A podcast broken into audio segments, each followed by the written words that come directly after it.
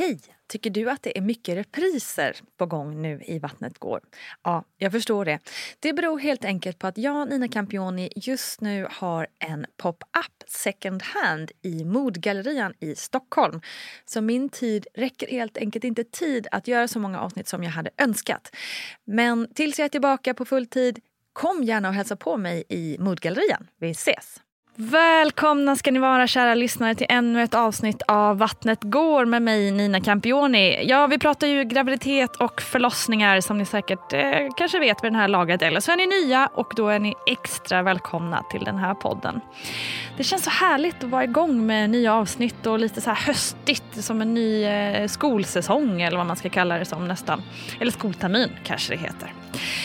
Hörni, vi ska gå rakt på sak. Eh, gäst i det här avsnittet är ingen mindre än Erika Strand Berglund, journalist och tv-producent. Och hon är för mig en riktig, riktig kämpe och en äkta hjältinna helt enkelt. Och jag vill faktiskt inte säga mer än så för att jag tycker att hennes berättelse talar för sig själv och det är bara att liksom följa med. Jag kan avslöja att jag själv satt med tårar i ögonen i eh, exakt hela tiden som vi eh, pratade. Nu kanske jag avslöjar lite i alla fall, men jag säger inte mer än så. Det enda jag ska säga är att vi också naturligtvis har eh, cirka jordens bästa barnmorska med oss, nämligen Gudrun Abascal. Men nu kör vi. Här har ni Erika Strand Berglund. When you're ready to pop the question, the last thing you want to do is second guess the ring. At Bluenile.com, you can design a one of a kind ring with the ease and convenience of shopping online. Choose your diamond and setting. When you find the one, you'll get it delivered right to your door. Go to Bluenile.com and use promo code LISTEN to get $50 off your purchase of $500 or more. That's code LISTEN at Bluenile.com for $50 off your purchase. Bluenile.com code LISTEN. Hey, I'm Ryan Reynolds. At Mint Mobile, we like to do the opposite of what Big Wireless does. They charge you a lot, we charge you a little. So naturally, when they announced they'd be raising their prices due to inflation, we decided to deflate our prices due to not hating you. That's right. We're cutting the price of Mint Unlimited from $30 a month to just $15 a month. Give it a try at mintmobile.com slash switch. $45 upfront for three months plus taxes and fees. Promote for new customers for limited time. Unlimited more than 40 gigabytes per month. Slows. Full terms at mintmobile.com. Quality sleep is essential. That's why the Sleep Number Smart Bed is designed for your ever evolving sleep needs. Need a bed that's firmer or softer on either side? Helps you sleep at a comfortable temperature? Sleep Number Smart Beds let you individualize your comfort so you sleep better together. JD Power ranks Sleep Number number 1 in customer satisfaction with mattresses purchased in-store. And now, save 50% on the Sleep Number limited edition Smart Bed for a limited time. For JD Power 2023 award information, visit jdpower.com/awards. Only at a Sleep Number store or sleepnumber.com. Hey, it's Ryan Reynolds, and I'm here with Keith, co-star of my upcoming film, If, only in theaters May 17th. Do you want to tell people the big news? All right, I'll do it. Sign up now and you'll get unlimited for $15 a month in six months of Paramount Plus Essential Plan on us. Mintmobile.com slash switch. Upfront payment of $45 equivalent to $15 per month. Unlimited over 40 gigabytes per month. Face lower speeds. Videos at 480p. Active Mint customers by 531.24 get six months of Paramount Plus Essential Plan. Auto renews after six months. Offer ends May 31st, 2024. Separate Paramount Plus registration required. Terms and conditions apply if rated PG. Har du alltid velat ha barn? Alltså jag skulle vilja säga ja, för att på sätt och vis så är det väl så att när jag var liten så vet jag att jättemycket av mina tankar handlade om att jag skulle växa upp och så skulle jag bli mamma. Och jag skulle ha minst tre barn och jag skulle ha de här barnen när jag var ungefär 24 år. Och det var väl lite så en reflektion av hur det var för min mamma. För hon var ganska ung när hon fick mig. Och sen så fick hon två barn till, så jag har två syskon. Sen så träffade jag min man eh, när jag var rätt ung. Jag var bara 21 år mm. när vi träffades. Och eh, vi gifte oss bara några år senare och eh, vi blev faktiskt gravida ganska tidigt också. Men kände att nej men det, så här ska nog inte vårt liv se ut nu. Vi, vi vill göra lite andra saker först. Så vi bestämde oss för att göra en abort. Och det gjorde vi. Och det var fruktansvärt svårt beslut att ta. Det var enkelt och självklart på ett sätt. För det kändes verkligen fel. Men att faktiskt göra det, faktiskt genomgå en abort. Eh, det går inte att beskriva hur, hur komplicerat det är. Mm. Och för mig så blev det nog ganska komplicerat efteråt också. För jag tror att det fanns vissa drag av ånger. Att jag ångrade lite grann att jag hade gjort det. Och det får man inte göra. Alltså man kan inte ångra en sån sak. Man måste vara väldigt, väldigt säker på vad man gör. Framförallt som kvinna så måste man vara väldigt, väldigt säker. För att det är jag som gör det här. Jag har alla möjligheter att sätta stopp. Men jag gjorde inte det. Mm. Jag bara gjorde det. Så, hur långt in i graviditeten var det? Eh, jag vet inte riktigt hur långt in det var. Men jag kunde in, det här är också så länge sedan så jag vet faktiskt inte riktigt hur det var då. Om man kunde ta tabletter och göra det själv. Mm. Eller om, men jag var inlagd på sjukhus i alla fall och gjorde det. Men det var, en, det, ja, det var ju inte liksom en sen abort. Utan det var, det var innan tolfte veckan i alla fall. Mm. Eh, så, liksom långt tidigare också. Jag, jag, vet faktiskt inte när det var. Jag minns inte det.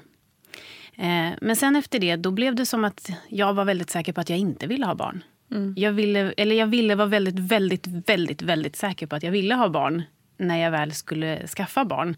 Så att det inte skulle hamna i den här fruktansvärt jobbiga sitsen igen. Att, att känna att det kändes fel. Så jag intalade nog mig själv ganska mycket att nej, men vi, jag är nog en sån som inte vill ha barn. Och min man var också helt med på det. Att nej, men vi var nog såna som inte ville ha barn. Eh, och våra vänner började skaffa barn. Och eh, det blev ju bara tråkigt. De försvann in i någon slags småbarnsbubbla som vi tyckte verkade jättetråkig. För vi reste och vi gick ut och åt och vi hade ett jättehärligt liv. Eh, verkligen. Men sen så någonstans på vägen så var det någonting som började liksom, ja, det var väl den biologiska klockan helt enkelt. Som jag under väldigt många år hade sagt så här, it doesn't exist. Det där är så bullshit. Mm. Eh, men det kanske var det ändå. Eller det var något sug i alla fall som väcktes. Och det förstärktes jättemycket när min bror fick barn.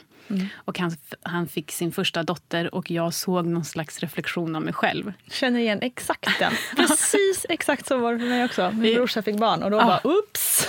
Ja, det var väldigt eh, mäktigt att, och mm. väldigt egoistiskt att känna att jag vill också ha någonting som är mitt och som ser ut som mig och Ulf tillsammans, hur, som min man då heter. Mm. Vad mäktigt det skulle vara. Så jag kommer ihåg att vi satt i vårt kök. Då bodde vi i en lägenhet i Vasastan. Och vi satt vid köksbordet och så, och så sa vi det att äh, men shit, vi, vi kör. Vi gör det. Vi kör. Vi ska bli föräldrar. Och det var liksom... Och så fanns också den där aborten på något sätt i bakhuvudet och paniken lite över att det skulle kännas fel. Men, ja, men vi bestämde oss för att köra. Eh, och så blev vi inte gravida. Under typ ett års tid försökte vi och det hände ingenting.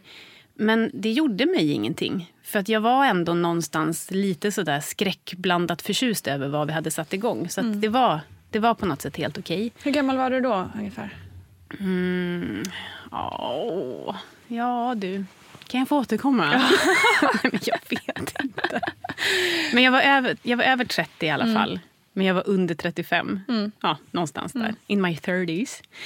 Eh, och så Eh, ja, men för att under den här perioden också så hade jag ett jobb som krävde ganska mycket. Jag höll på att skriva en bok och det hände väldigt mycket. Så det var ganska skönt på något sätt. Jag vet att jag tänkte så här varje gång mensen kom. Jag bara, oh, skönt, då funkar det i alla fall att gå på den där festen och mm, göra den där mm, grejen och, mm. och så vidare. Eh, men sen, eh, och sen när det hade gått ungefär ett år, då blev vi gravida. Mm. Och eh, det var helt fantastiskt. Det var verkligen helt omtumlande. Och vi stod liksom helt yrvakna inne i, i badrummet och det här plusset på stickan och vi fotade det. Och vi, liksom, jag planerade det här fotoalbumet som jag skulle ha som var liksom, vägen till våra barn. Mm. Eller vårt barn. Men eh, bara några veckor efteråt så kände jag att det här känns, eh, det känns fel jag kände i kroppen att så här ska det inte kännas om man är gravid. För att alla de här känslorna som jag hade känt, brösten som hade ömmat och illamående, det var liksom bara borta. Mm. Uh, och jag kommer inte ihåg om jag gjorde ett till graviditetstest eller inte. Och det visade ju säkert plus uh, fortfarande. Men sen så började jag blöda. Mm. Och det var då vårt första missfall. Och det var ju jättetungt såklart att få ett missfall. Allt det spelar liksom ingen roll hur långt in man har kommit i en graviditet tror jag. För att så fort man har fått det här plusset, då förändras hela framtiden. Okej, nio månader från nu, ha, då kommer det vara så här. Har vi semester då? Hur händer det med jobben? Vart ska vi bo? Det är så otroligt mycket som sätts igång. Så att det är inte bara att man förlorar man förlorar inte bara ett blivande barn, man förlorar en framtid på något sätt. Mm. Och det var ju jättetungt. Men samtidigt så visste jag ju också att det är inte alls ovanligt med missfall. Så att ja, ja, vi försöker väl igen. Mm. Och vi försökte igen och blev gravida ganska snart efter det igen. Eh, och var glada, kanske inte riktigt lika glada som vid det första plusset utan nu fanns det en viss eh, så här, tveksamhet. Mm. Ja, men precis, eller rädsla runt vad det här skulle innebära. Och precis samma sak hände igen. Eh, bara några veckor senare så kände jag att nej, nu är det fel igen. Och så började det blöda. Och så åkte vi in på sjukhus och konstaterade att det var missfall igen. Och läkare sa att ja, men det är inte ovanligt med missfall och ni kan ju i alla fall bli gravida så att låt bara det här läka ut och så kan ni försöka igen. Eh, och vi tänkte att ja, två missfall, det är ju inte ett gott tecken. Det här börjar kännas som att det inte är så bra. Och, du, och man blir ju så här, man börjar googla, man hamnar på konstiga forumtrådar och man läser på och man förstår att det här är inte jättevanligt ändå. Och sen så, bara några månader senare, så blev vi gravid igen. Så på typ ett halvår hade vi blivit gravida tre gånger. Och den här gången så kändes det lite annorlunda. Och jag tänkte att det är ju ett bra tecken att det känns lite annorlunda. Allting... Ja, men graviditeten höll i sig på något sätt. Eh, och vi åkte iväg på en resa. Vi var i Italien och eh, gjorde massa härliga saker. Vi var i Milano, vi var på modevisning och all, liksom allt möjligt härligt. Och så åkte vi upp till Comosjön uh, eh, och skulle äta lunch på, i en ort där. Och då känner jag att nej, det där känns inte bra. Nere i, inte, det var inte, ja, det kände, jag kände att det var en flytning eller att, det var, att jag hade börjat blöda. Så jag gick på toaletten och mycket riktigt, jag hade börjat blöda. Och då rasade ju allting. För tredje gången, då har man ett problem. Då är det inte bara att man har lätt för att få missfall, utan då är det, eller lätt för att få missfall, men då är det ett problem på riktigt, för så här ska det inte riktigt vara. Och det var så tungt att inte vara hemma. Att vara i Italien var jätte, jättejobbigt såklart. Hela den semestern så jag blödde och jag mådde jättedåligt och vi förstod att ja, det var missfall. Nu, vi åkte inte in till något sjukhus för att få det konstaterat utan vi tänkte vi tar det här när vi kommer hem. Eh, och sen så på planet hem så började jag få fruktansvärt ont i magen också. Och det, det är ju smärtsamt. En, en, ett missfall är ju det är smärtsamt. Men det, var, det gjorde ont på ett annat sätt. Det gjorde verkligen jätte, jätte, jätte, jätte, jätte, jätte, jätte, jätteont. Eh, men eh, konstig som man är så åkte vi ändå hem och jag bara, nej men får jag bara sova så kommer det här nog gå över. Men det gjorde det inte. Så dagen efter så åkte vi in, eller om det var sent på kvällen kanske till och med, för jag hade verkligen så fruktansvärt ont. Eh, så åkte vi in och gjorde undersökningar och då visade det sig att jag hade jättemycket blod i hela min buk för jag hade fått ett utomkvedshavandeskap. Och ett utomkvedshavandeskap det är ju helt enkelt när man blir gravid. Det, det sker en, en... Det finns ett embryo som börjar växa men det växer inte inuti livmodern utan det växer utanför. Och det går ju inte. Eh, Så att då bestämdes jag, blev opererad bara några timmar senare för att jag hade, det var en så stor blödning. Jag var nog, jag var nog ganska illa däran faktiskt. Han du bli rädd då också? Nej, jag var, nej, jag var som i töcken. Jag Mm. bara, "Åh, jag är så himla sämst. Jag kan aldrig bli gravid. Jag kan bli gravid men jag kan inte behålla någonting.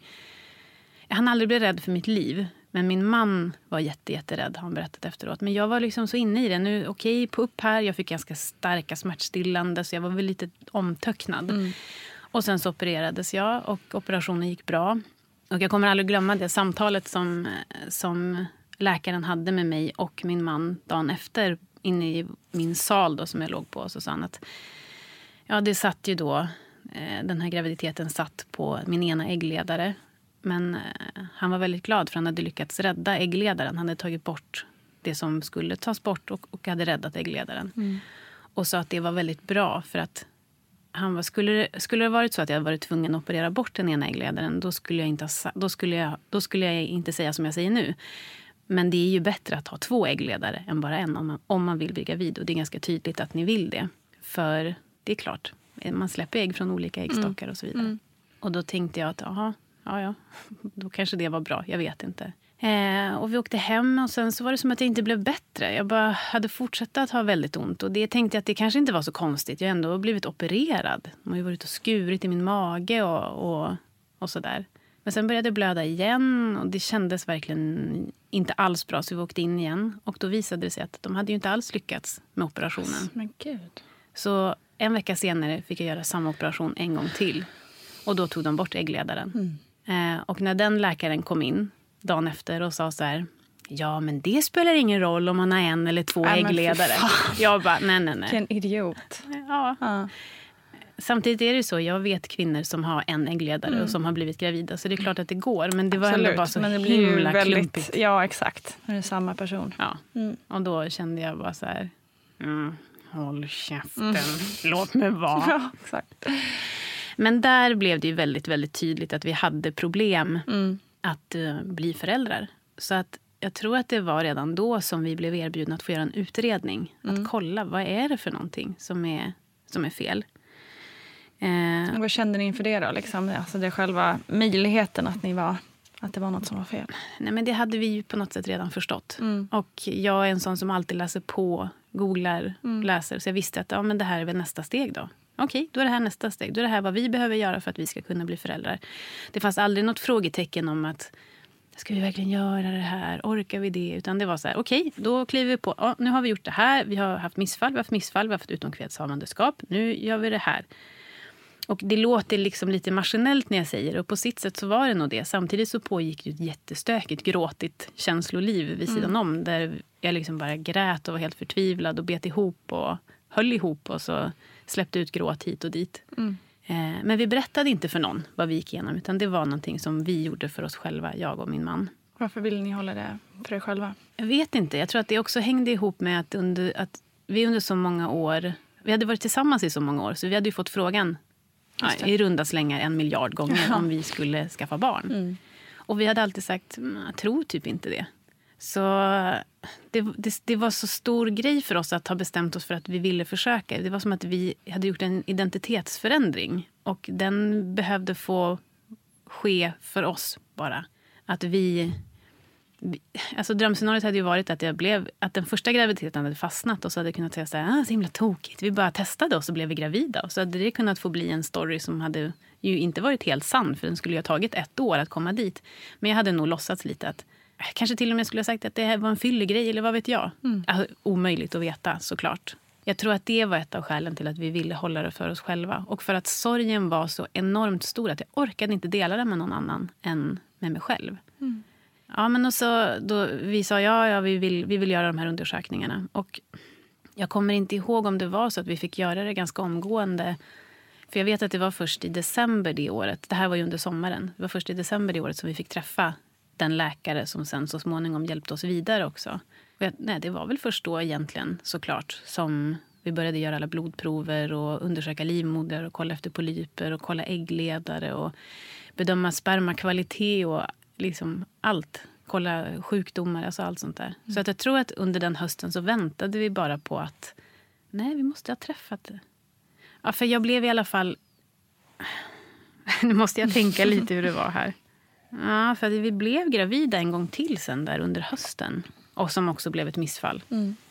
Ja, det, det, jag kommer inte riktigt ihåg. Men sen träffade vi en läkare i alla fall och vi gjorde alla de här testerna som man skulle göra. Och hur var det att gå igenom alla de testerna? Var det, alltså, hur, hur känns det? Jag tänker att man så bara vill hitta den där grejen som gör att liksom, där, är, där Ja. är lösningen Exakt. på alla våra problem. Ja, Liksom. exakt. Så ville vi verkligen att det skulle vara. Samtidigt som vi var rädda för vad svaret skulle vara. Ja. Vi ville ju inte att det skulle vara ett fel på oss som gjorde att vi inte skulle kunna bli föräldrar alls överhuvudtaget. Men det hade ju varit skönt att hitta, nej men du saknar ju, du har ju den här bristen. Så lägger vi till det här fludderuttet så kommer det ordna sig. Precis. Eh, Men vi gjorde då alla de här undersökningarna och det visade sig att det fanns inga skäl till varför vi inte skulle kunna bli föräldrar. Allting såg jättebra ut. Vi var bara helt enkelt ofrivilligt barnlösa, som man då kallas för. När det blir sådär. Och eh, eftersom vi ändå hade varit...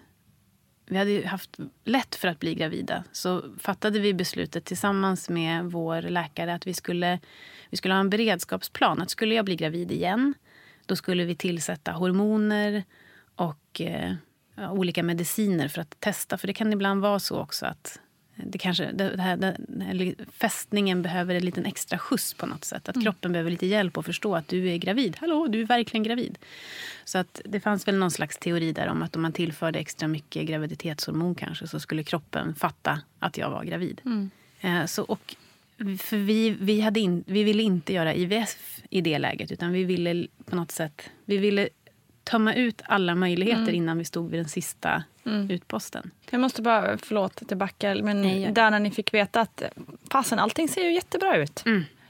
Hur kändes det då? Liksom? Var det... Det var väldigt, väldigt ledsamt. Mm. För då kändes det... Alltså det, det blev också väldigt dubbelt då. Okej, vi borde kunna. Men samtidigt så visste vi att vi kunde ju inte. Och eh, samtidigt så hade det varit skönt om det hade funnits någonting som vi hade kunnat göra för att göra det bättre. Och vi hade ju någon slags plan där då att vi skulle tillsätta preparat. Så det fanns ju liksom något slags halmstrå hela tiden som vi kunde greppa efter. Och det, det här var ju då kanske, det var i början av det året som, som vi hade den här planen. Och i och med att vi året dessförinnan hade blivit gravid så många gånger så tänkte vi att det här det, ja, det är väl okej, då kör vi väl det om typ två månader. För att, ja. Men nu blev jag inte gravid. Det hände liksom inte. Tiden bara gick och gick och gick och vi blev inte gravida. Och i jämförelse med... Alltså det är så konstig sak att jämföra. Men att, jämföra, att, att aldrig bli gravid jämfört med att bli gravid väldigt många gånger och sen förlora det så är det typ samma sorg på något sätt. För cykeln blir på något sätt densamma. Det är som att man, man har koll när man har ägglossning och så eh, f- försöker man extra intensivt under den perioden. Och sen så har man, är man lite hoppfull och man letar efter tecken. Och, sen så, och sen så börjar man förstå att det kanske inte blir så. Och då blir det en vecka av sorg. När det, det kan vara lite längre än så också, för man börjar nästan sörja innan och sen kommer mensen. Ja, det var så. Just så det. gråter man över det för att det inte fick bli. Och, ja, men självtvivel och varför? Varför, varför, varför? Alla andra verkar ha så himla lätt för att bli gravida. Det är såna som inte borde få bli gravida, blir gravida. Såna som jag avundades att de blev gravida, blev gravida. Alla bara, Åh, hoppsan, nu blev jag gravid. Och där stod jag och var inte det. Och, och, ja, och då efter att mm, den här, man liksom gråter ut just den här menstruationen så blev det ändå två veckor fram till ägglossning där det fanns en möjlighet att leva lite normalt på något sätt. Att kunna göra vad jag ville. För att vi var också, vi började bli maniska runt det här att vi måste försöka på alla sätt att skapa ett, ett, ett bra, en bra förutsättning. Och det pratas ju väldigt mycket om att man inte ska stressa. och Det finns alla möjliga saker som folk slänger ur sig hit och dit. Slappna bara av, tänk inte på det här. Precis. Vilket ju såklart inte går, men man försöker. Nej, det är väl det enda man tänker på såklart. Ja, exakt. Får jag också bara fråga om det här, du nämnde det också eh, som hastigast, just att många känner både skam och eh, så här, skyll, liksom, är arga på sig själva för att man inte kan. Eh, vad, vad, vad tror du alla de där känslorna kommer ifrån? Att man liksom klankar ner på sig själv? Som om att det vore ditt fel. Förstår du vad jag menar? Det är för att jag tror att man är så ensam i det. Det finns ingen annan än jag som inte blir gravid i min kropp. Det är väl det. Andra lyckas. Och det, det borde inte vara så här svårt. Även om man vet att det är svårt för många så är det ju så, är det ju så många som det inte är det för. Och det var ju verkligen min kropp som strejkade hela tiden. Även om och jag, jag kunde inte påverka det. Det är ju inte rättvist mot sig själv att, att vara så besviken på sig själv. Men jag tror att det går inte att göra på något annat sätt heller. För det finns ingen att skylla på. Det är min kropp som inte ställde upp på det jag och, jag och min man hade bestämt oss för att vi ville. Och som just då är så himla naturligt. Och som är på, för, på många sätt ju, det är en del av livet. Det är liksom förutsättningen för starten till ett liv. Och att det inte funkar är så, det är så påtagligt fysiskt i kvinnans kropp. Den här känslan av att ja, men det kanske är nu. Och det är nog någonting nu. Att man, det är ju i min kropp. Ulf har ingen aning. Han kan bara stå vid sidan av och titta. Så jag tror att känslan är nog svårt att komma ifrån. Tror jag. Det är så Nej, men jag började koppla ihop det mot aborten också. Hade jag Ja, försatt tänkte min jag chans fråga. där? Precis. Ja, hur kände du kring den? Det är en he- jättehemsk fråga att ställa egentligen. För att det, men Nej, ja. det tycker jag inte. Jag valde att berätta om den Mm. tidigt här nu också. Eh, nej, men det var ju fruktansvärt. Och Mm. när jag började öppna upp de dörrarna som jag hade stängt så hårt då. Mm. Så jag tror att jag var sjukskriven i en vecka och bara låg hemma och grät. Mm. Och hatade mig själv för att jag hade gjort det. Vilket också var orättvist. För att det var ju, det var ju ett beslut som fattades då, när jag var ung. och Det hade också varit så att hade den första graviditeten satt sig så hade jag inte, då hade jag inte ångrat det. Då hade det varit så som det var. Men nu var det, då var det, kändes det som att jag försatt min chans. Och att också någonstans att jag såg det jag såg det nästan som att missfallen var ett sätt för mig själv att straffa mig själv för att jag hade gjort det jag hade gjort.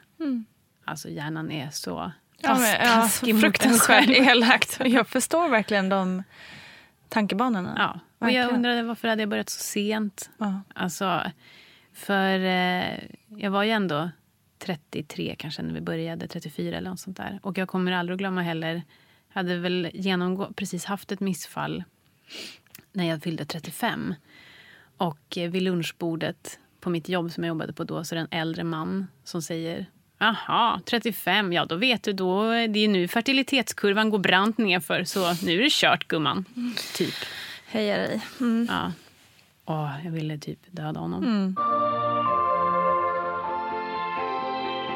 Ja, men om vi går tillbaka till min historia där då så vi lyckades vi inte bli gravida under det där året då. Och då kände vi att nej, men nu, får vi, nu kör vi IVF. Det är väl så att det, jag har en aktiv äggstock och den är på fel sida i min kropp. Den är där det saknas en äggledare. Så vi kontaktade vår läkare och så sa vi att nu, nu vill vi köra på IVF. Och han sa absolut, det är klart ni ska göra det. Han var jättefin, jag älskar den här läkaren som vi hade på Danderyds sjukhus. Vill du också berätta varför, just, eller liksom varför ni först hade motstånd kring just IVF? Men jag tror att det var, jag nämnde det bara som hastigast, men jag tror att det var också för att vi ville inte vi ville inte försätta våra chanser för tidigt på något sätt. Utan om det nu fanns en, en idé om att vi skulle kunna lösa det här med lite mediciner eh, så ville vi testa det. För skulle det inte funka då skulle vi ha ett nästa steg som var IVF. Ja. Men om vi hade bränt IVF-chansen, vad är nästa steg då? Då är det möjligtvis adoption. Eh, och det, det är ett väldigt, för oss var det ett väldigt svårt, eller stort steg att ta. Vi var inte alls eh, in, inne på adoption överhuvudtaget. Vi ville ha vårt barn som skulle ha mina ögon och Ulfs näsa. Och, ehm, så vi bestämde oss för att vi ville göra IVF och sa det till vår läkare. Och han sa, ja visst, kön är ett och ett halvt år. Och då rasade ju världen samman när han gud. sa det. Så, men ni kan ju ställa er i kö såklart. Ja, ja, ja okej. Och sen sa han också, men av en slump så var jag på en läkarkonferens här i helgen. Och då träffade jag ett team från Örebro och de har ingen kö. Så att om ni vill så kan ni ta, med hjälp av vårdgarantin, så kan ni få göra det här i Örebro om ni vill. Och vi sa ja. Alltså, det som går snabbast. Vi vill inte vänta ett och ett Nej, halvt nej, år, utan nu, då kör vi. Ja, då kommer det ta tre månader innan, den, liksom, innan vårdgarantin går igenom och ni kan få göra det här. Ja, ja, absolut. Så vi ställde oss i den, i den här kön och så kände vi ändå att tre månader, då när man är i det, då är det för lång tid. Så vi tänkte vi söker privat så länge i Stockholm. Det finns ju ändå ett antal kliniker man kan vända sig till. Och det var en klinik på Sankt, Göran som, Sankt Görans sjukhus som kunde ta emot oss på en gång och kunde sätta igång nästa menstruation. Så vi, okej, vi kör på det. Så vi åkte dit och vi hade möte. Eh, Och vi behövde inte göra alla tester som man normalt sett gör, för de var ju redan gjorda. Utan vårt första möte då fick vi sitta med någon liten gummiboll och testa hur det var att sticka in en spruta i den och sådär. Så att vi skulle veta hur det här skulle gå till. Så vi fick eh, mediciner utskrivna och vi gick väl och hämtade ut dem på en gång tror jag. Och så åkte vi hem och så skulle vi då vänta på att eh, mensen skulle komma så vi skulle kunna sätta igång efter den, den mensen. Då skulle vi börja med alla hormoner och sådär. Men den mensen kom inte utan jag var gravid. Igen. Oj. Så det hade ju hänt då Ja. ändå. Och eh, även den gången så var det väl inte heller så att vi blev superglada. Vi blev ju glada men vi visste ju också att ja, visst det är ett plus nu men vi får se hur det är om några veckor. Men jag ringde ju till eh, kliniken och sa att vi kommer inte att köra IVF mer just nu. Och så ringde jag till vår läkare på Danderyd och sa att jag har blivit gravid. Och han sa okej, då kör vi de här medicinerna. Jag kommer inte riktigt ihåg vad det var, men det var väl förmodligen graviditetshormon och så var det någonting som skulle vara blodförtunnande tror jag. och Sådär. Så vi testade det, men även det blev ett missfall. Och eh, i samma veva som jag upptäckte plusset så ringde de från Örebro och sa att eh, vi har plats, så vill ni komma så kan vi sätta igång nu. Och då sa jag, det här är ju lite konstigt men jag är gravid. Men, sa jag, kommer jag ihåg, om det här inte funkar, för det har inte funkat tidigare, då hör jag av mig. Och då sa hon, ja, gör det om du vill, men jag hoppas att jag inte hör av dig. Eller något sånt där. Eller hon sa nog inte så, för jag tror att de alla, alla som jobbar med det här är väldigt finkänsliga faktiskt. Men så fick det ju bli då. Jag fick ju höra av mig sen några veckor senare då till IVF-kliniken i Örebro och säga att vi ville göra. Och varför vill ni hellre dit kontra den här privata? Eh, gratis att göra det i Örebro. Ja, ja, Kostar okej. jättemycket pengar. Det, ja, det är så det Det finns ingen, eh, ingen sån subvention även på, alltså på privat? privat, Okej, nej, nej. Så eh, det var en kostnadsfråga. Mm. Och sen på något sätt kändes det också som att vi hade sånt, jag hade sånt, både jag och min man hade väldigt stort förtroende för den här läkaren som vi hade på Danderyds sjukhus. Som verkligen var en underbar, är en underbart fin människa. Så när han hade erbjudit det, det var, det var liksom den vägen vi skulle gå. Så vi åkte till Örebro och fick alla de här medicinerna utskrivna. Och vi löste det också så fint att behövde, göra, jag behövde göra själva äggplocket där och insättningen skulle göras i Örebro. Men all monitorering, man undersöker hur äggblåsorna utvecklas och så där under tiden som man hor- hormonstimuleras. Det kunde jag göra hos vår Okej, älsklingsläkare Dan- på Danderyds sjukhus. Ja, det var jätteskönt för det är ändå en bit att åka till Örebro. Ja, visst. Och jag berättade ju ingenting av det här för mina kollegor. eller så där. Så att det här behövde ju skötas snyggt på något Mm. sätt. Då. Och det förenklade ju att vi var i Stockholm. En lite längre lunch här eller men gå lite precis. Mm. tidigare där. Eller. Eh, ja, men vi gjorde då den här hormonstimuleringen. Och det gick väldigt bra, tror jag. Om det finns någon slags gradering där. Och det gör det väl. Eh, det var jättejobbigt att ta de här sprutorna, Mm. tyckte jag. Känner, man det, känner du någon skillnad i kroppen då också? Eh, ja, man tillför ju massa Mm. kemiska, eller liksom man tillför ju massa preparat, i kroppen. Så jag vet att jag hade jätteont i huvudet till exempel. Och googlade rätt på att det kunde vara en av bieffekterna. Och sen så är det också så, när äggblåsorna sväller så har de ingen plats att ta vägen riktigt. Och det gör jätteont. Jag vet inte om du har tänkt på det själv, att vissa ägglossningar kan göra väldigt ont. Att man plötsligt ömmar väldigt mycket. Det är för att äggblåsan växer och blir stor. Så småningom spricker den och släpper ut vätska som kan göra väldigt ont. Och för min, I vanliga fall så är det kanske en eller möjligtvis två äggblåsor som sväller. Men här, här så jackar man ju upp Just det. systemet rejält. Så att jag tror att jag hade 13 äggblåsor. Ah, Okej. Och jag, det var någon som sa, någon läkare som sa att de var som förklarade hur stora de var ungefär. Och det var ungefär som om du vet såna här M&M's med jord, en jordnöt i. De är ganska Mm, stora. de är jättestora. Ja, prova att lägg 13 såna i Ja, dina det är ju händer. för fasen två liksom... Ja, det är en rejäl handfull. Ja, Ja. och det var i min kropp. Så att jag vet att jag gick så jättelångsamt och lite bredbent. Och min läkare sa, du har inte något riktigt svung i steget längre Erika. Så jag var nej, inte riktigt. Men hur länge, och hur länge höll det i sig? Mm, nej, men man håller väl på kanske i två veckor eller något. Och, och man, man tar sprutor för att få ägg, äggblåsorna att växa och äggen att mogna. Och sen så tar man en till spruta efter ett tag som stoppar ägglossning. Man vill ju inte att de ska Mm. Släppa iväg alla de Just här. det. Och sen så småningom när man, när man, när man går och kollar i ultraljud hur de utvecklas och hur det ser Mm. ut och sådär. Och när det ser bra ut så åker man in till sjukhuset och sen så går de in ja, genom, genom livmodern, på något, alltså genom vagina på något sätt. Så går de in och så med en stor nål så, som suger de ut äggen ur de här blåsorna. Och det var ju en helt surrealistisk upplevelse att vara med om. för att vi åkte då till Örebro när vi, hade, när, när vi fick ett go på det. Så vi åkte till sjukhuset och man får både så här ångestdämpande, som väl är lugnande då på något sätt, och Alvedon är vad man får Okej. som smärtlindring. Får jag också bara, förlåt innan vi går vidare. Mm. Hur, hur, hur liksom, kort är det fönstret från att de undersöker dig och ser att du är liksom redo för att de ska plockas ut till att du Mm, faktiskt någon- måste åka dit och plocka ut dem? Ja, det är bara någon dag. Och Okej. det är inte så att man så här, mm, har lite tufft Ja, en dag, kan vi ta det nästa? Utan, Ja, eller ja. det vet jag inte, det kanske man kan. Men jag var verkligen, jag var så här, jag Ja. gör, vad, vad ni säger att jag ska göra, jag Ja, gör såklart. det. För att det här, nu ska vi få det här att funka.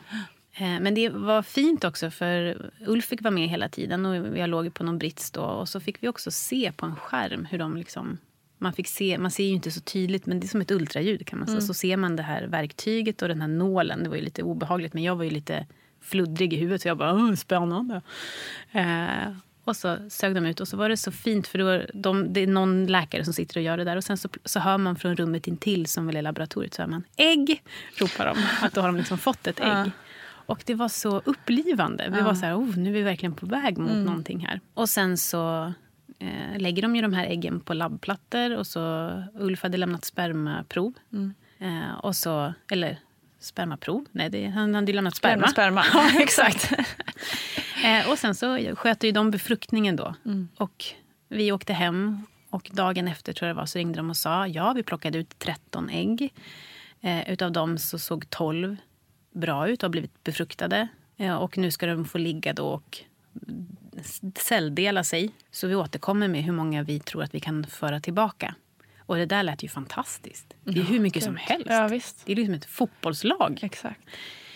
Och sen så ringer de tillbaka och sa att det är sex stycken som håller så pass bra kvalitet. Så ni är välkomna ja, men typ imorgon eller övermorgon. Så Och hur lång tid var det då från det där första? Kommer du ihåg det? alltså, hur lång Nej, tid tog jag vet det inte hur lång tid det är emellan. Eller så är det väl kanske så att man följer... Man försöker ju liksom återskapa en naturlig cykel. Så jag har ju haft min Ja, ägglossning där. Så den ska väl in ganska snart. Ja. Eh, Så att det rör sig också bara om dagar. Mm. Och då ha- hade jag, jag hade fått för mig, jag hade sett massa tecken överallt att jag skulle ha tvillingar. Eh, Jag hade bland annat skalat en clementin på jobbet som det var två clementiner i. Nej. Det har jag aldrig hört talas om. Så jag bara, det är tecken. Fotade, skickade till Ulf. Jag bara, vi ska bli tvillingföräldrar. Eh, vi var ute och åt på en restaurang och vid vårt bord så var det en bukett med tulpaner. Med två tulpaner liksom på varje sån här, på varje stam. Så jag bara, vi, vi ska ha tvillingar. Så att jag sa så här, "Åh, vi får väl tillbaka två då. Och de sa, nej, nej, nej, nej, man för inte tillbaka två. Jag bara, men jag känner flera stycken som gjort IVF som har fått tvillingar. Ja, men det är rekommendationer från ja, Socialstyrelsen är det väl som bestämmer över det. Vi får inte göra det längre. Det är för, det är för hög risk med en tvillinggraviditet. Så man återinför ett. Okej. Och då var det som att jag tappade hoppet. Jag bara, då kommer det här inte att funka. För jag ska ha tvillingar. Ja. Och jag försökte på olika sätt försöka övertyga dem, men det gick ju inte. Alltså, det är inte som att de bara, okej då. Du, Precis, nu- bara för att du verkar glad. Ja, men precis. För att Ja. du är så övertygande. Så att jag var liksom lite modstulen när vi åkte eh, tillbaka till Örebro för att återföra då ett av de här sex embryona.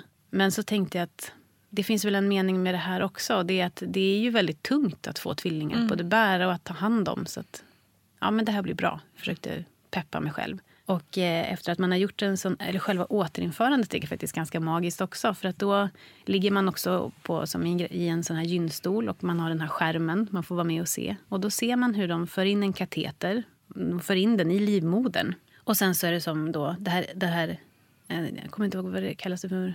Det är ju inte ett embryo, men steg, steget där kring är ju mikroskopiskt pyttelitet såklart. Så det ligger i någon slags vätska som de sprutar in. Och när de sprutar in den vätskan så blir det som en uppklarning i livmodern. Så det är som att man får vara med om något gudomligt. Man ser någonting så här... Om det hade funnits ljud hade det låtit så. och det var ju fint. Och mm, ja, sen så liksom drar ur den här kateten som de har stoppat in och läkaren säger att ja, förhoppningsvis ser vi ses vi inte mer så lycka till. Och det är sådär, ja det är en speciell känsla att gå iväg och faktiskt veta att jag är befruktad i alla fall. Jag är inte gravid prick, utan jag är befruktad. och då går man in i någonting som kallas för ruvperiod. När man då ruvar på det här ägget som man har i sin mage. Och eh, då stöttar man också upp med eh, hormoner, graviditetshormoner, som man tar. Det är vagia, vaginatorer, heter det. Så det var ju också ganska bökigt för mig. Jag jobbar och man ska stoppa in någonting i snippis och sen så ska ju det helst inte åka ut. Utan hur gör man det då? Så, Mm, det. Alltså jag hade så mycket konstiga möten. När jag liksom låg halvt nerhasad i stolar och jag måste ha framstått som så fruktansvärt nonchalant Ja. olika, träffa människor för första gången och jag så här hasar ner. Och, för jag ville fortfarande inte klart. berätta vad jag höll på med. Mm. Det tog, ja, ja, jag ska inte gå händelserna i förväg här men eh, ja, det, så håller man på i alla fall. Då. Och eh, den här första insättningen, den funkade inte. Mm. Efter två veckor så fick jag mens och det var ju deppigt. Men då visste vi att vi hade ju ändå fem embryon. Fem kvar, ja. Så under det här året så gjorde vi återinföranden som inte fäste. Men tappar man aldrig liksom så här, fuck it, alltså det kommer aldrig gå. Jag tappar liksom. Jo, man tänker så hela tiden. Men man tänker också, nej men okej, nu tar vi oss vidare. Man börjar göra, jag började göra väldigt konstiga saker. Eh, som att jag inte kunde titta på en tv-serie som hette Modern Family. För att förkortningen var MF, missfall. Jag kunde inte äta skaldjur från, från Marians fisk för att det var också MF, missfall. Jag kunde inte gå till Kungliga Operan för att jag hade fått ett missfall. Eller liksom känt av att jag skulle få ett missfall när jag var där en gång. Jag eh, kunde bara ha en viss parfym för jag fick för mig att det var en turparfym. Jag skapade enormt mycket säkerhetsbeteenden för att hantera ångesten runt att vi inte kunde bli föräldrar. Så att jag var, jag var riktigt, riktigt störd. Men ändå på något sätt också helt normal. Kanske inte supertrevlig mot kollegor hela tiden för jag var ju på hormonkaruseller utan dess like hela tiden. Både att jag faktiskt blev gravid men sen också att vi tillförde så mycket hormoner hela tiden. Alltså, Får man, inga, tänker, får man ingen så hjälp? Jag tänker man behöver ju gå i terapi samtidigt. Eller liksom få någon Jo. hjälp med den biten också. Ja, det kan man få. Och det fick vi. För att jag gick ju sönder flera gånger om såklart. Men jag valde på något sätt också att gå sönder och var jätteledsen. Och sen bara så här, boka in roliga saker och försöka få ha glädje också. Och att jag och min man hela tiden såg varandra och var fina mot varandra. Och vi lät varandra vara ledsna och vi stöttade varandra och vi hittade på saker. Och vi, vi delade verkligen på det här. Men eh, till sist så gick vi och träffade en eh, psykolog, eller en kurator. Och hon sa så här att det är inte konstigt att ni är så här ledsna. Ni måste förstå det. Att det här är helt naturligt. För det ni går igenom är på många sätt kan man likna den sorgen som ni bär på. Den är motsvarande att man, att, man förlorar någon som man håller av. För att det är inte bara, det är inte bara att ni inte blir gravid. Det är en framtid som aldrig får sätta igång. Exakt. Och problemet är att vi kunde aldrig komma vidare. Vårt dödsfall återupprepades månad efter månad efter månad efter månad efter månad efter år. Och eh, det, så jag kan ju i efterhand se att det är inte konstigt att jag började ha alla de här konstiga, konstiga idéerna. Verkligen inte. Och jag har offrat så mycket under de här åren också. Det är vänner som inte längre finns kvar för att det funkade liksom inte. Plötsliga avbokningar när vi skulle ha setts och göra saker. Jag var helt opolitlig på det sättet. För att om jag kunde göra någonting för att få det här att stanna kvar så gjorde jag det. Och det är ju smärtsamt att tänka på nu. Samtidigt så, ja, det, det var vad jag behövde göra för att, för att jag skulle hålla ihop. Och det gjorde jag ju sådär. Alltså höll ihop sådär. Imagine the softest sheets you've ever felt. Now imagine them getting even softer over time. That's what you'll feel with Bowl and Branch's organic cotton sheets. In a recent customer survey, 96% replied that Bowl and Branch sheets get softer with every wash. Start getting your best night's sleep in these sheets that get softer and softer for years to come. Try their sheets with a 30-night guarantee. Plus, get 15% off your first order at bowlandbranch.com. Code BUTTERY. Exclusions apply. See site for details. Hey, I'm Ryan Reynolds. Recently, I asked Mint Mobile's legal team if big wireless companies are allowed to raise prices due to inflation. They said yes. And then when I asked if raising prices technically violates those onerous two year contracts, they said, What the f are you talking about, you insane Hollywood ass? F- So to recap, we're cutting the price of Mint Unlimited from $30 a month to just $15 a month. Give it a try at mintmobile.com slash switch. $45 upfront for three months plus taxes and fees. Promo for new customers for limited time. Unlimited more than 40 gigabytes per month. Slows. Full terms at mintmobile.com. Hey, it's Paige DeSorbo from Giggly Squad. High quality fashion without the price tag. Say hello to Quince. I'm snagging high-end essentials like cozy cashmere sweaters, sleek leather jackets, fine jewelry, and so much more. With Quince being 50 to 80% less than similar brands. And they partner with factories that prioritize safe, ethical, and responsible manufacturing. I love that. Luxury quality within reach. Go to quince.com slash style to get free shipping and 365 day returns on your next order. Quince.com slash style. Quality sleep is essential. That's why the Sleep Number Smart Bed is designed for your ever evolving sleep needs. Need a bed that's firmer or softer on either side? Helps you sleep at a comfortable temperature? Sleep Number Smart Beds let you individualize your comfort so you sleep better together. JD Power ranks Sleep Number number 1 in customer satisfaction with mattresses purchased in-store. And now, save 50% on the Sleep Number limited edition Smart Bed for a limited time. For JD Power 2023 award information, visit jdpower.com/awards. Only at a Sleep Number store or sleepnumber.com. Planning for your next trip? elevate your travel style with Quince. Quince has all the jet setting essentials you'll want for your next getaway, like European linen, premium luggage options, buttery soft Italian leather bags, and so much more. And is all priced at 50 to 80% less than similar brands. Plus, Quince only works with factories that use safe and ethical manufacturing practices. Pack your bags with high-quality essentials you'll be wearing for vacations to come with Quince. Go to quince.com slash pack for free shipping and 365-day returns. Varför har man slutat med att stoppa in fler än ett ägg numera? Ja, nu får du min version av vad jag har hört eh, av det hela. Så beror det på nummer ett att vi har blivit mycket skickligare i att det blir inte missfall i lika stor utsträckning som det blev tidigare när vi började med IVF. Vi vet att stoppar man in två stycken ägg så kan det bli tvillingar. Och vi vet att en sån graviditet är ju förenad med större risker under graviditeten. Och framför allt eftersom IVF oftast kanske tror jag statistiskt sett, så handlar det om äldre kvinnor och där, då vet vi att då ökar också risken för komplikationer. Så därför idag så tycker vi nog att det här Går det med ett ägg så, så tycker vi att det är väldigt bra för vi är så duktiga inom professionen i att sköta det. Men om man går tillbaka till våra, vårt IVF-ande där och våra försök som inte lyckades så hade jag ju hela tiden samtal med den här läkaren också, vår läkare på Danderyds sjukhus. Och han var av den gamla skolan som ju hade eh, vid flera gånger sett att det ibland faktiskt kunde funka om man satte in två embryon. Så kunde det vara som att då, då kunde det hjälpa till på något sätt. Och så jag sa, men du förstår inte, de vägrar. De vägrar på Örebro. De är new school. eh, och han sa så här, ja, men jag ska se vad jag kan göra. Jag ska prata med dem. Så han pratade med dem och på något vänster så gick de med på att sätta in de två sista vi hade kvar utav de här sex. Sätter in de två.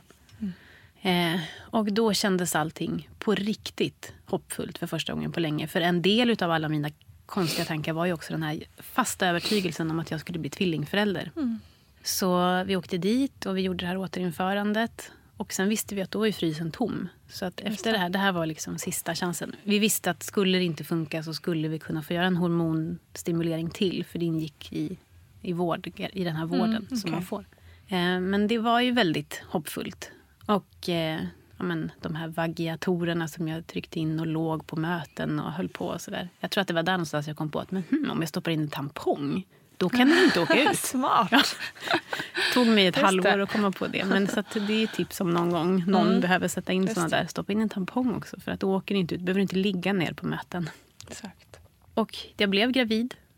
Och eh, det var ju helt fantastiskt men också fruktansvärt skräckslagen. För hur skulle det gå? Och eh, ja, men ringde och meddelade alla och alla blev så glada. Och jag gissar att den här kliniken i Örebro kände lite så här, aha, det var inte så här det skulle bli, för man får ju inte sätta in två. Eh, och sen så gick det några veckor och så kände jag att nej, så här ska det inte kännas. Eller så här har jag känt så många gånger tidigare. Och det blev missfall igen. Mm. Och då vet jag att när det hände, då kände jag nu är det kört. Det är kört. Och jag grät och jag grät och jag grät och jag grät. Och jag jobbade ändå på och gjorde det jag skulle göra. Och vi... Nej, det var bara så fruktansvärt nattsvart då. Livet var verkligen det kändes som att det var, nu var det verkligen kört. Hur och, kändes det då också när ni hade berättat för lite folk? Och, nej, men vi hade så. fortfarande inte berättat för särskilt många. Vi hade inte berättat för någon att jag var gravid, tror jag. Vi... Jo, men det sa du precis att du hade gjort. Jaha, sa jag? Ja. Nej, vem, hade, vem sa jag det? Ja, det hade vi i alla fall inte gjort. Vi hade ja, inte ni hade inte det? Nej, okay. Men vi kände ju att vi var... Vi var okay. ja, jo, men jag ringde till kliniken. Jaha, förlåt. Ja. Okej. Okay. Precis, jag ringde right. till klinikerna och, och, läkaren och sa att vi är gravida. Nej, men det är sant. Mm. Jag berättade inte för någon att jag var gravid. Men jag hade ett antal, under de här åren hade jag ändå ett antal personer som jag hade kunnat anförtro mig åt. Så att jag var liksom inte helt ensam. Jag, hade, ja, men jag var tvungen att berätta för vissa i alla fall för att de skulle förstå om jag var väldigt, väldigt konstig och sådär. Men det funkade ju inte. Och det var så tungt och så fruktansvärt. Och jag minns att jag vaknade på natten och hade panik. För att jag drömde att jag hade förlorat allt hopp. Mm. Och hoppet var det sista jag hade har man förlorat hoppet, då har man ingenting. Då, kan, då ger man upp. Då finns det ingenting. Och eh, jag hade jättesvårt att ta mig ur det där. Jag var verkligen fruktansvärt ledsen.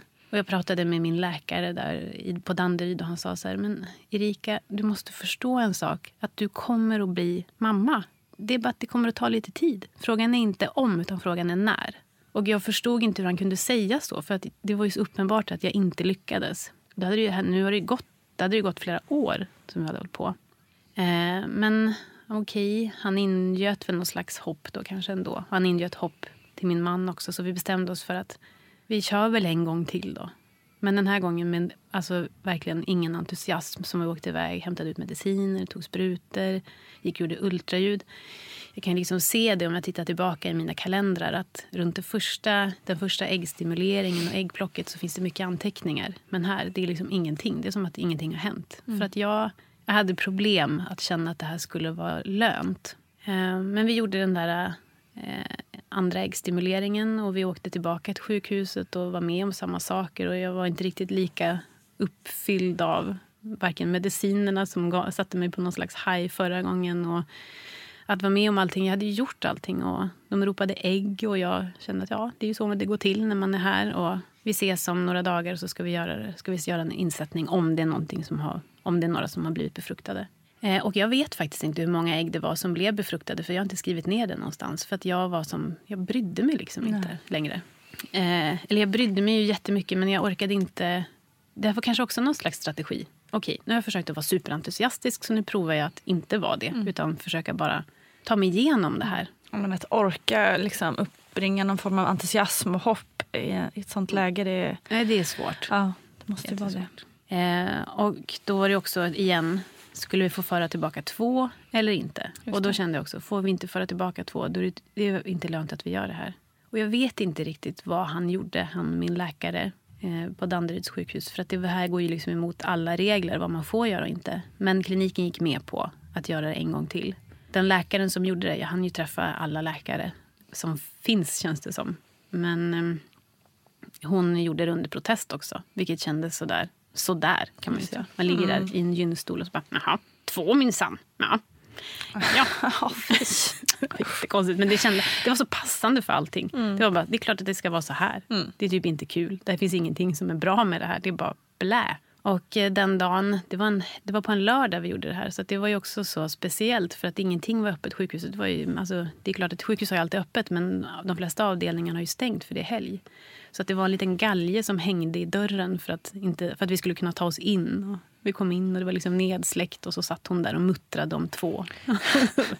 så vi gjorde det där och när vi åkte när vi åkte hem så åkte vi, då hade vi, köpt, vi hade köpt ett landställe precis innan där. För vi behövde få kanalisera all vår energi till något positivt. Så vi hade köpt ett landställe för att, men, att skaka om någonting på något sätt.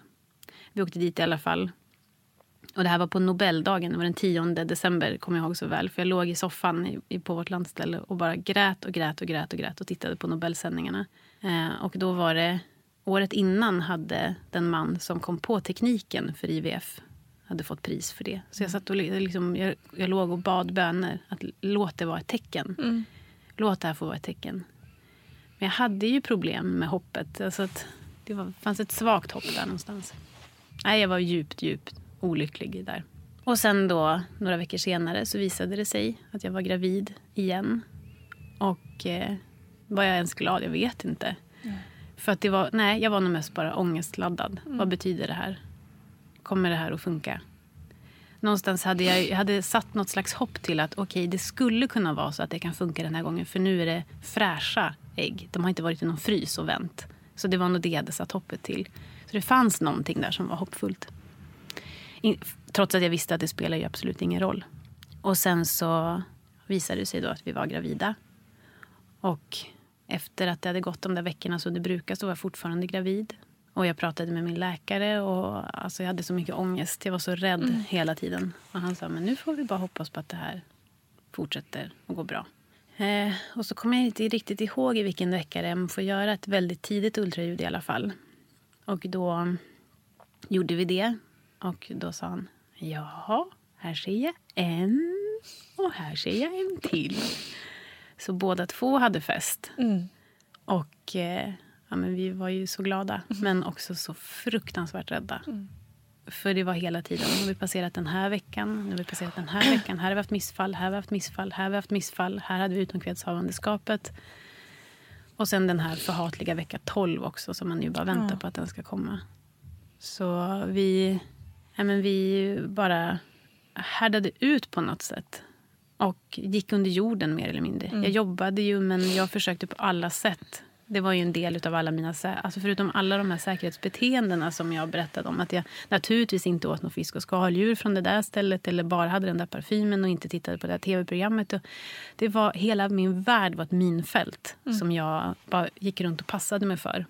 Eh, för det, det är liksom vad som finns kvar när man verkligen, verkligen försöker.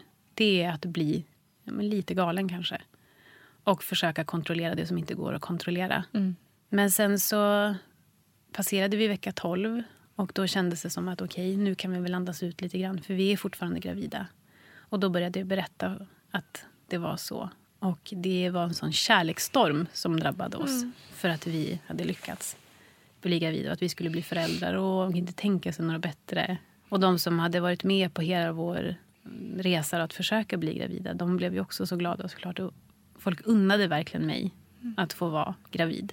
Kunde du ta in det då också?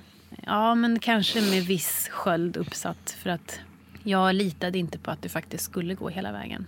Och jag vet att jag, jag, jag pratade med Alltså, jag pratade med hur många människor som helst. Jag bara, jag vill jättegärna titta på någon tv-serie eller läsa någon bok. Men det får absolut inte hända någonting som är re- graviditetsrelaterat som är hemskt. För då kommer det att bli en, en fix idé. Och det där går inte att skydda sig emot. Jag råkar få veta att en person förlorade sitt barn i vecka 19. Jag bara shit, vi måste ta oss till vecka 19. Jag råkar veta att alltså, det blev Ja, hela tiden nya veckor, nya hinder. Och jag eh, drömde flera gånger under tiden som jag var gravid också. Det hade jag drömt innan också. Jag vaknade till på natten av en sån här ilning. Du vet när man har drömt någonting så är det, hela kroppen liksom fryser till is. Det är en ilning som går genom hela kroppen. Och den tanken som bara tog över hela systemet var min livmoder är tom. Fy fan vidrigt. Och vaknar och bara... Nej men magen är där. De är där. De är där. De är kvar där. Men var det här en förkänning av någonting? Så att jag var så rädd hela tiden. Jätte, jätte, jätterädd. Och jag blev stor ganska snabbt. Så folk började ställa väldigt mycket frågor. Ah, visst är det coolt att känna dem? Jag känner dem inte. Varför känner jag dem inte? Känner de inte, är de, är de döda? Vad är det som händer? Så det var hela tiden, eller oj du, nu är det inte långt kvar till förlossning va? Ah, Jag är bara i vecka 20. Om de kommer nu, då överlever de inte. Så att det, varenda dag var bara eh, jätte, jätte, jätte, jätte, jättetung. Och sen så kände jag också att det var någonting som inte stämde. Jag hade väldigt, väldigt, väldigt ont väldigt ofta. Och hade jättemycket sammandragningar. Magen blev liksom som en stenhård boll. Och så tog det ett tag och slappnade den av. Och så, där. och så tänkte jag att så här ska det inte vara. Så att eh, vi gick och gjorde undersökningar. För det har också varit väldigt skönt för mig. Jag, alla har lyssnat på mig. Det är ingen som har sagt men så där kan det vara. Strunt i, det är helt normalt. Utan man, jag blev verkligen tagen på allvar. Så vi gjorde undersökningar och det visade sig att barnen mådde bra. Men jag mådde inte så bra. Eh, min livmodertapp förkortades väldigt snabbt på under en vecka. Och då var de ju rädda för att det var så att jag var på väg att föda barnen just då alldeles, alldeles för tidigt. Så jag tror att jag var i vecka 24 så blev jag inlagd på eh, Karolinska. Och då blev jag inlagd i en förlossningssal. För de förberedde för att det kanske skulle vara så att barnen skulle födas. Och de fick sprutor med kortison för att deras lungor skulle utvecklas snabbare. Och jag fick eh, verkstillande dropp som man får under typ två dygn. så får man dropp. Under de två dygnen så låg jag där på förlossningen.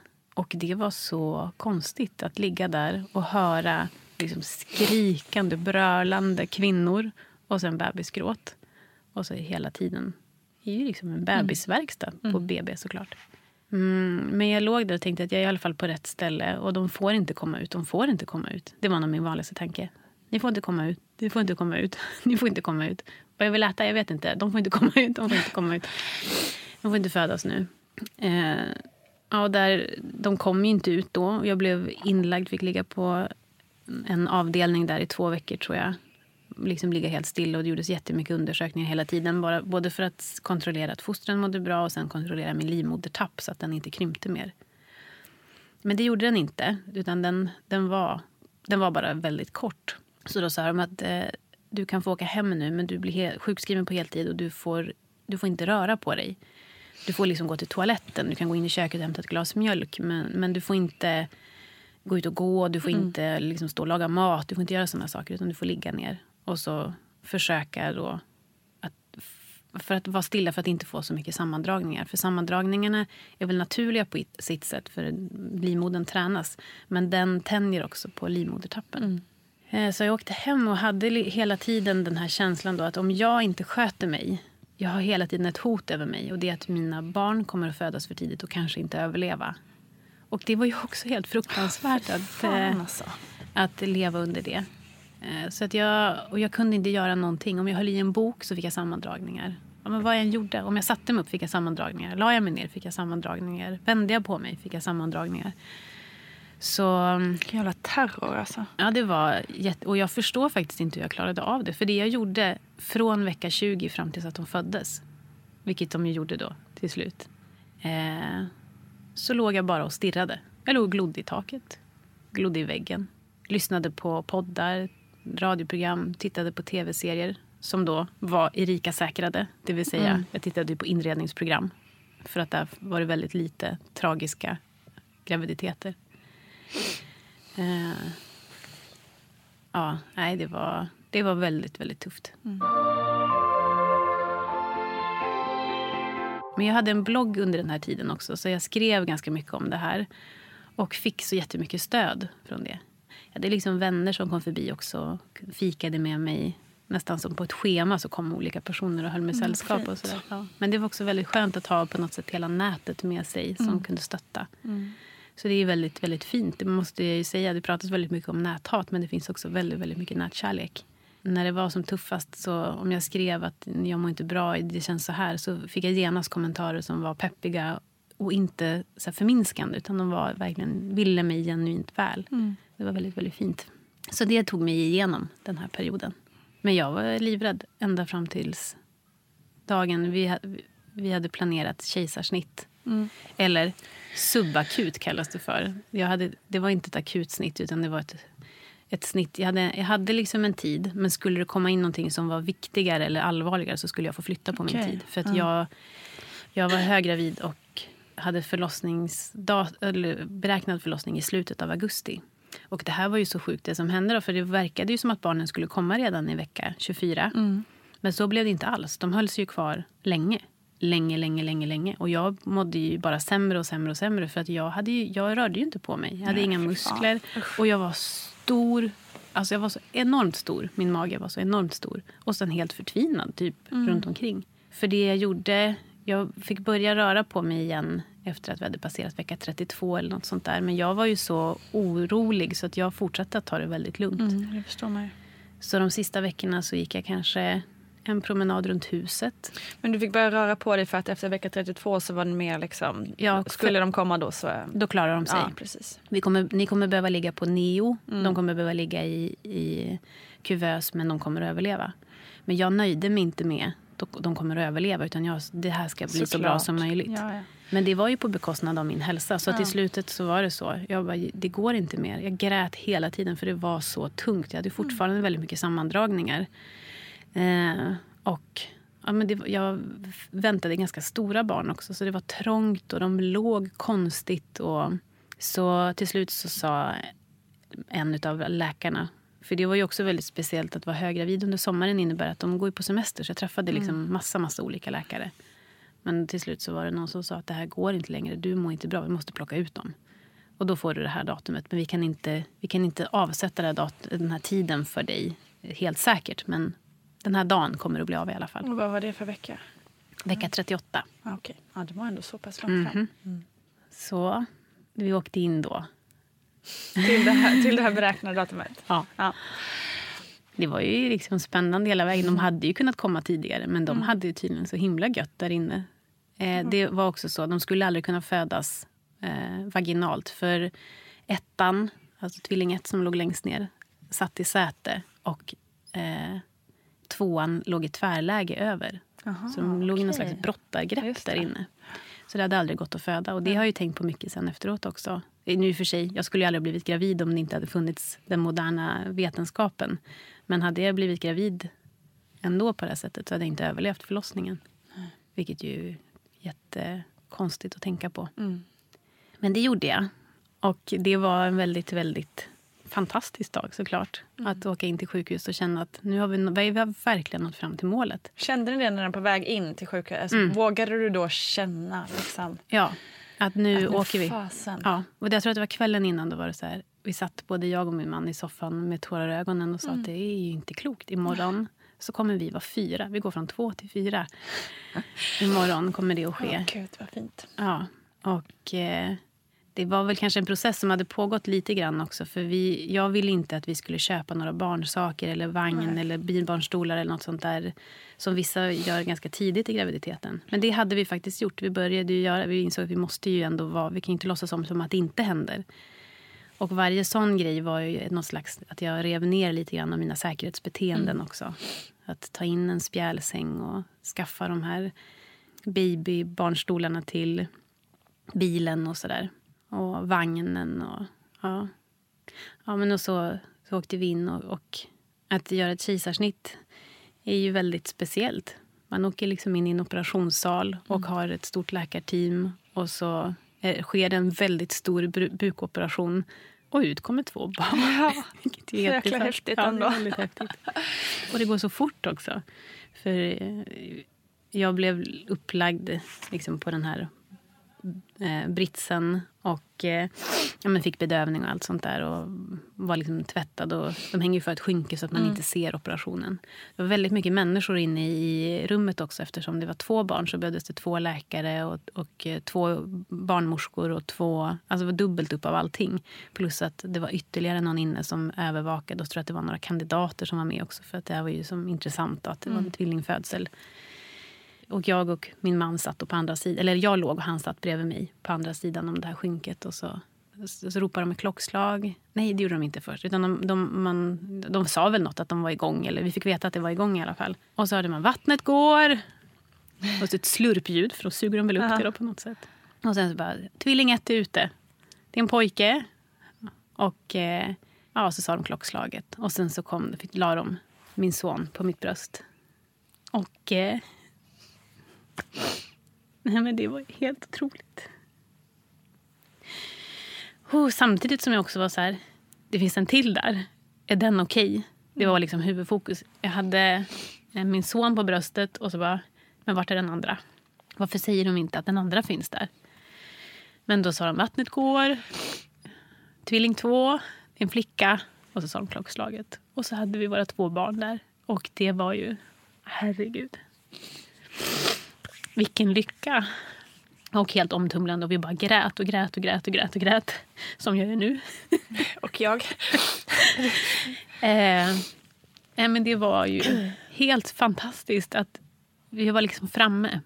Sen så eh, är det ju en operation man genomgår. Så att när jag kunde ju inte vara med på någonting. Ulf var med om lite hit och dit och var med på vägning. Och, men det blir ju också väldigt speciellt när det är två. För båda två Ja, ska tas om hand. Så att han var lite ibland med tjejen och ibland med killen. Och så tillbaka till mig och runt där som någon humla i rummet. Men sen så var det också fint för att när, eh, när jag sen var sydd, de var kvar med mig hela tiden medan jag syddes. Och sen så eh, fick vi tillsammans åka, eller var de med när jag syddes? Jag tror det i alla fall, men det är mycket möjligt att jag minns fel här. Men vi var i alla fall tillsammans på det som kallas för uppvaket. Trots att jag var vaken så, så fick de vara med. fick de vara med när bedövningen skulle gå ur kroppen. Och ja, herregud, så var de där. Min Ni lilla tjej. det, Ja, liksom. vi gjorde det. Och sen så... Ja, vi låg på BB i en vecka för att jag, jag var ju så trasig. Eh, hela min kropp var ju totalt förfall. Och det var ju väldigt chockartat att hamna i det där också. Att nu är du mamma så nu klarar du det själv. Det. Och jag hade ju varit så enormt uppburen. Jag träffade ju läkare flera gånger i veckan och jag gjorde ultraljud minst en gång i veckan. Så att jag gick från att varit ja, men väldigt, väldigt, väldigt uppburen och väldigt, väldigt sedd av vården till att klara mig själv. Mm. Och det var ju jättetungt. Så det är som att jag fick aldrig bli glad. Det känns som när jag berättar det här. Jag är väldigt glad nu vill jag Mm. säga. Och jag har varit väldigt glad väldigt länge. Men det var väldigt tufft. Även den första tiden var fruktansvärt jobbig. För jag tror att det var först då också på något sätt som jag tillät mig själv att sörja allt som hade hänt oss. Allt jobbigt vi hade gått igenom. Jag jag minns att jag låg där på BB och jag vaknade på natten. Den här ilningen gick genom kroppen. Min livmoder är tom. Det hade blivit någonting. Jag har inga barn. Jag, jag, jag kommer, vi kommer aldrig att bli föräldrar. Och Det var samma dröm som jag haft så många gånger. Den vill liksom inte släppa taget om mig. Och så tittar jag åt sidan och så ligger de där. Mellan mig och min man så ligger våra två barn. Och sen efter det så drömde jag inte den drömmen några fler gånger.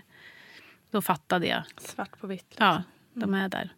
Sen så kan man ju vara rädd för massa saker även när de har Gud, fött. ja. Det kommer man nog alltid Mm. leva med. Ja, men det, jag tycker att det känns enklare nu. Mm. Men i början jag var jätterädd för plötslig spädbarnsdöd. Så Mm. jag skaffade bara ett nytt datum som jag behövde ha panik över och var rädd för att det skulle hända. Men det är ju såklart också varit ditt sätt att leva liksom, på en ganska lång tid. Ja. Det, det kan man ju inte bara så knäppa med fingrarna och få bort. Och så är det borta nu. Nej, och det var fortfarande så att väldigt mycket av de där tankarna var förbjudna. Och alla de här säkerhetsbeteendena var ju en del av att hålla uppe min ångest också. Precis. Så att, att ta bort, att kunna ta bort vissa saker, att ha andra parfymer än bara den där enda. Det innebar också att jag försatte mig själv i, ett, i ångesten igen Exakt. på något sätt. Men jag var ju Mm. tvungen att göra det. Mm. Men där fick jag hjälp väldigt tidigt också av en, av en terapeut. Att jag fick träffa en terapeut och prata om alla mina känslor Mm. runt det hela och hjälpa mig att sörja. För att jag var verkligen... Jag fick väl kanske egentligen inte den här babybluesen. Utan jag gick in i en, en djup, djup, djup sorg. En sorgprocess. Att bearbeta allting som jag hade varit med om och att tillåta mig själv att tro på att det här var sant. Att jag hade fått bli mamma. Och, Och nu när du ser tillbaka på alla åren, all ångest, all oro. Mm. Är det någonting som sticker ut extra mycket? Liksom? Någon känsla eller någon... Nej, det som är väldigt fint att se, eller liksom märkligt på sitt sätt också, det är att om jag tittar tillbaka på alla de här åren och jag ser allt vi har gjort och allt som har hänt så kan jag ju se att det är det var allt jag behövde göra. Det var alla offringar, uppoffringar jag behövde göra för att jag skulle få Olof och Greta.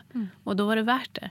Jag skulle ju inte vilja att någon någonsin behöver hamna i det här. Men om det är det man behöver göra för att få det man vill. Det här fantastiska, den här fantastiska lilla tjejen som jag har och den fantastiska lilla killen. Det spelar ingen roll. Det var värt det. Och det var vad jag behövde göra för att jag skulle få dem. Det är helt fantastiskt. Det, jag har suttit med tårar i exakt hela eh, den här intervjun. kan jag säga. Det känns som att jag har pratat jättemycket och jättefort. Nej, men det är också härligt på något sätt för den här... Det var så mycket. Det var så mycket och jag, jag känner mig helt överflödig i den här studion idag. Nej. Men jag måste fråga också, ehm, som jag ställ, en fråga som jag ställer till alla jag träffar. Vad man vill säga till någon eh, som kanske är på väg in och i det här fallet kanske ska gå igenom en IVF-behandling eller som bara rent ja, är ofrivilligt eh, Barnlös. barnlös helt enkelt. Nej, men jag, jag vet att jag kände så flera gånger under tiden som vi höll på att jag orkar inget mer. Jag klarar inte det här. Men man gör det. Man orkar mycket, mycket mer än vad man någonsin tror. Och man klarar det. Och man tror att man inte kan släppa ut sorgen. För man tror att den kommer att göra en galen. Man är helt säker på att den kommer att konsumera en totalt och göra en på riktigt helt galen. Men så är det inte heller. Utan sorgen finns där. Och den, är, den måste få finnas där och den måste få komma ut också. För den bäddar på något sätt rum för tacksamheten sen också. Och eh, ja, jag vill bara säga det, man klarar det. Man klarar mycket, mycket mer än vad man någonsin tror. Och man vet någonstans vad det är för någonting man, man behöver göra för att man ska klara av det också. Och det tror jag är väldigt individuellt. Men det vet man inuti sig själv på något sätt. En kanske lite tramsig fråga på något sätt, men känner man sig efter allt det här ni fått utstå och kämpa och liksom må dåligt inte bara innan utan även under, förloss, äh, under graviditeten. Mm. Känner man på något sätt liksom så att man nästan är lite mer av en powerfamilj eller så här, viktig familj. Eller så här, det här, det var liksom, mina barn är värda lite mer än andra barn. Ja, förstår du vad jag menar? Ja, jag förstår precis vad du menar. Och då, då, måste jag ju säga att det är klart att det inte är så. Alla barn är lika mycket värda. Men däremot så tror jag att eh, om, om man som par tar sig igenom en sån här mm. sak för det finns nog vissa där det, där det kanske tar slut för att man vill olika mycket. Men om man tar sig igenom det tillsammans, då står man på ett sånt starkt fundament att det, det är liksom oförstörbart. Och eh, jag tror också att de barnen som kommer till efter så här lång, lång kamp och efter så här lång längtan som det också har inneburit. Jag, det går inte en dag utan att jag känner en sån djup tacksamhet för att jag får vara mamma. Mm. Att de här två barnen har fått hända mig är helt fantastiskt. Och det gör att jag är kanske mer tålig. Jag kanske... Det är så svårt att veta om jag hade varit annorlunda om vi hade fått behålla den första graviditeten. Men jag tror att det ligger alltid som... Det ligger alltid ett skimmer av tacksamhet runt oss. Det är inget ok. Absolut inte. Det är inte så att jag känner så här, nu skulle jag vilja bli arg på dig lilla skitunge ja, men, eh, men jag blir inte det för att jag ska vara så tacksam. Jag har gjort ett deal med Gud. Det är inte så, utan det är verkligen så. Jag är så jag är så tacksam att jag får vara med om det här. Att, att varje sak som händer är liksom rolig på något sätt. Mm. Jag älskar verkligen att vi får ha det som vi har det tillsammans som familj. För eh, de är fantastiskt roliga och härliga. Även om det har varit tungt såklart att ha tvillingar. För det var det ju, precis som, jag hade, som alla hade sagt och som jag trodde också. Det, gör ju också, det har gjort, tror jag, kanske att jag har orkat lite mer. Mm. Och också tillåtit mig själv att känna mycket saker. För att så har det varit hela vägen. Ja, det är en fantastisk historia. Sorglig men så otroligt hoppfull. Ändå. Ja, verkligen. Och den har ett lyckligt slut. Ja. Annars hade jag nog inte kunnat berätta den tror jag. Exakt. Och styrka till alla där ute som lyssnar som kanske känner igen sig. Ja, verkligen. Mm. Tusen tack för att du ville vara med. Tack för att jag fick vara med. Oh, ja, jag tror inte att jag var ensam om att fälla en och annan tår under eh, det här avsnittet. Tusen, tusen tack Erika Strand Berglund för att du eh, ville vara med och orka berätta om allt det här du varit med om och att det gick så bra till slut. Jag är så glad för dig. Jag är så glad för din skull. Och tusen, tusen tack såklart till alla er kära lyssnare som hänger med i varenda avsnitt och som hejar på mig både via Instagram och eh, ute i det fria kan man väl säga. Fortsätt gärna med det. Kom och säg hej på Instagram och eh, överallt annars. Puss och kram på er. Ha det så himla gott så hörs vi snart. Producerat av Perfect Day Media.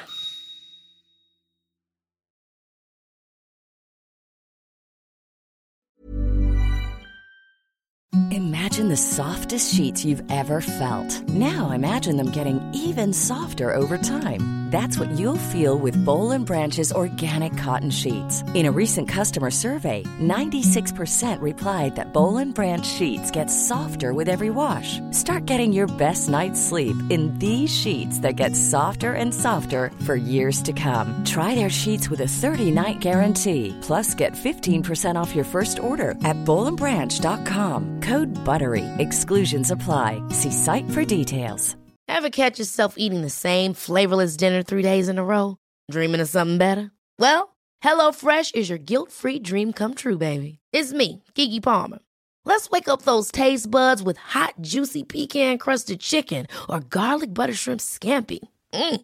Hello Fresh. Stop dreaming of all the delicious possibilities and dig in at HelloFresh.com. Let's get this dinner party started. Even when we're on a budget, we still deserve nice things. Quince is a place to scoop up stunning high-end goods for 50 to 80% less than similar brands. They have buttery soft cashmere sweaters starting at $50, luxurious Italian leather bags, and so much more. Plus, Quince only works with factories that use safe, ethical, and responsible manufacturing. Get the high-end goods you'll love without the high price tag with Quince. Go to quince.com/style for free shipping and 365-day returns. Imagine the softest sheets you've ever felt. Now imagine them getting even softer over time. That's what you'll feel with Bowl and Branch's organic cotton sheets. In a recent customer survey, 96% replied that Bowl and Branch sheets get softer with every wash. Start getting your best night's sleep in these sheets that get softer and softer for years to come. Try their sheets with a 30-night guarantee. Plus, get 15% off your first order at bowlandbranch.com. Code BUTTERY. Exclusions apply. See site for details.